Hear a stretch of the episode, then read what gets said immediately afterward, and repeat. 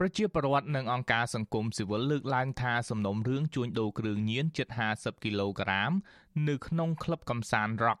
ដែលមានជនជាប់ចោតជាអង្គញាគិតធៀងនេះគឺជាសំណុំរឿងដ៏ធំមួយដូច្នេះនៅពេលសាឡាអូតូសម្រាប់ដោះលែងលោកដោយស្ងាត់ស្ងាត់បែបនេះគឺកាន់តែធ្វើឲ្យសាធារណជនមានមន្ទិលសង្ស័យអំពីភាពមិនប្រក្រតីជាច្រើន។ ប្រពន្ធរបស់សកម្មជនគណៈបកប្រឆាំងនៅខេត្តស្វាយរៀងលោកយឹមសារ៉េតដែលកំពុងជាប់ឃុំគឺលោកស្រីអុកចន្ទធីថ្លែងថា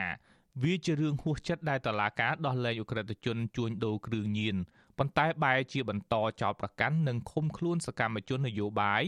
និងសកម្មជនសង្គមទាំងគ្មានកំហុសទៅវិញលោកស្រីជឿថាប្រសិនបើតឡាការអនុវត្តច្បាប់ដោយវិជាជីវៈនិងឯករាជ្យគឺប្រកាសជាមិនចោទប្រកាន់និងឃុំខ្លួនមនុស្សស្លូតត្រង់នោះទេ សម្រាប់លោកអុកញ៉ាមានលុយអញ្ចឹងទោះបីគាត់ជាអ្នកមេជួញដូរគ្រឿងញៀនយ៉ាងម៉េចក៏ដោយក៏រាជរដ្ឋាភិបាលតុលាការគាត់បែរជាសង្កត់ឲ្យទៅជាគាត់គ្មានទុកអីចឹងដល់យើងធ្វើដើម្បីជាតិចេញ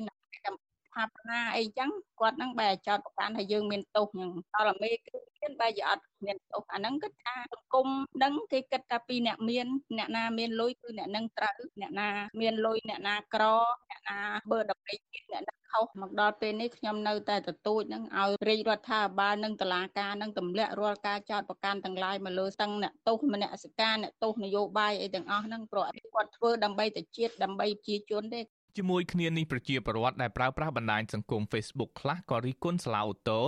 ដែលដោះលែងលោកអុកញ៉ាគិតធៀងដែរម្ចាស់កណន័យ Facebook មួយថាដោយសារតែតឡាការធ្វើបែបនេះទើបបានគ្រឿងញៀនចាប់មិនចេះអស់ម្ចាស់កណន័យ Facebook រូបនេះបន្តថាសាហាវណាស់ស្រុកយើងគ្រឿងញៀនរហូតដល់ជិត50គីឡូក្រាម តែជាប់ទោស2ឆ្នាំមិនដឹងថាបំផ្លាញអនាគតមនុស្សអស់ប៉ុន្មានអ្នកនោះទេ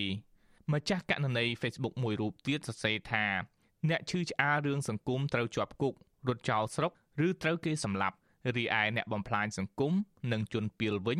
ពួកគេคล้ายជាសេដ្ឋីคล้ายជាមន្ត្រីខ្ពង់ខ្ពស់ព្រោះមានលុយការបញ្ចេញប្រតិកម្មនេះគឺបន្ទាប់ពីអង្គការគិតធៀងដែលត្រូវបានសាលាដំបងរាជធានីភ្នំពេញសម្រេចផ្តន្ទាទោសឲ្យលោកជាប់ពន្ធនាគាររយៈពេល4ឆ្នាំ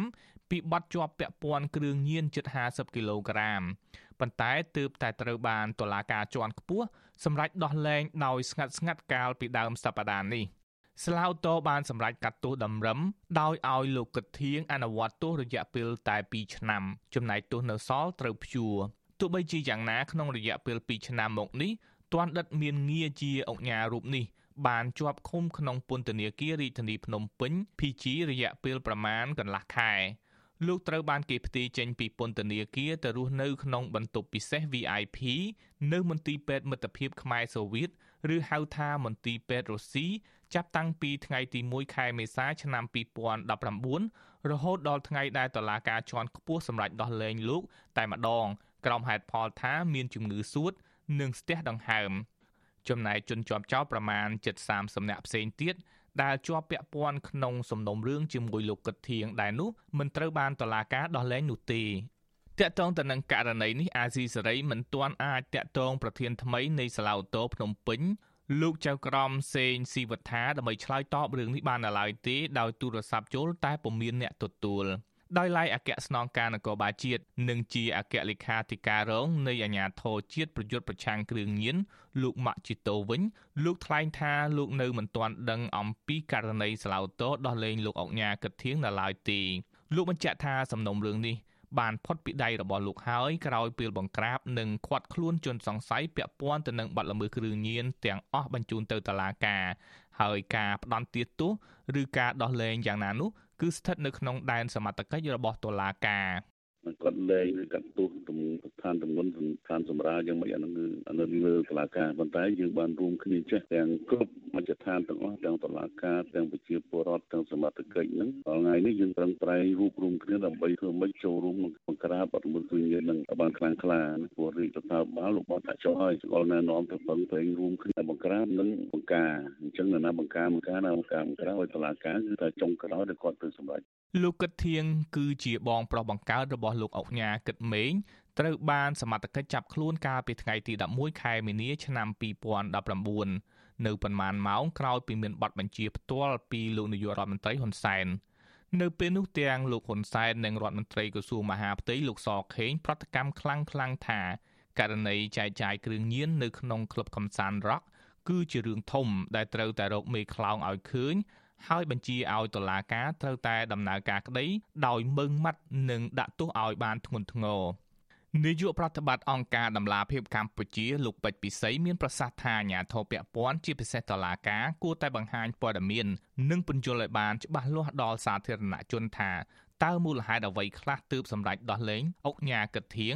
ដែលជាប់ចោតក្នុងសំណុំរឿងចែកចាយគ្រឿងញៀនទ្រង់ទ្រីធំបែបនេះលោកបន្តថាការបង្ហាញព័ត៌មាននេះគឺមានភាពចាំបាច់ដើម្បីឲ្យសាធារណជន មានជំនឿទៅលើប្រព័ន្ធតុលាការ គាត់ប្រហែលជាឆ្ងល់ហើយបើសិនជាយើងមិនចេញព័ត៌មានឲ្យទូលំទូលាយនៅក្នុងករណីនេះទេហើយយើងបានឃើញហើយមានករណីផ្សេងទៀតដែលប្រជាពលរដ្ឋទូទៅគិតថាករណីទាំងនោះជាករណីដែលអ្នកពាក់ព័ន្ធឬក៏ជនជាប់ចោតហ្នឹងគាត់ការពារប្រយោជន៍សាធារណៈទេគាត់ការពារប្រយោជន៍តាក់ទងនឹងបរិស្ថានគាត់ការពារប្រយោជន៍តាក់ទងនឹងធនធានធម្មជាតិហើយនឹងទ្រព្យសម្បត្តិសាធារណៈជាដើមប៉ុន្តែបែរជាគាត់ត្រូវបានគេចោទប្រកាន់កាត់ទោសឲ្យជាប់ពន្ធនាគារទៅវិញពេលទន្ទឹមគ្នានឹងមានមន្ត្រីធំធំឬក៏ឈ្មោះញរកស៊ីធំធំហ្នឹងគាត់បែរជារួចទោសទណ្ឌនៅក្នុងករណីធំធំបែបនេះទៅវិញលោកក៏ជំរុញឲ្យស្ថាប័នសាធារណៈពង្រឹងការអនុវត្តច្បាប់ដែលមានជាធរមានឲ្យបានត្រឹមត្រូវនិងស្មើភាព ដើម្បីលុបបំបាត់គ្រឿងញៀននិងលុបបំបាត់វប្បធម៌នីតិរដ្ឋភាពហើយកសាងសង្គមមួយដែលស្អាតស្អំខ្ញុំយុនសាមៀនអាស៊ីសេរីប្រធានាធិបតី Washington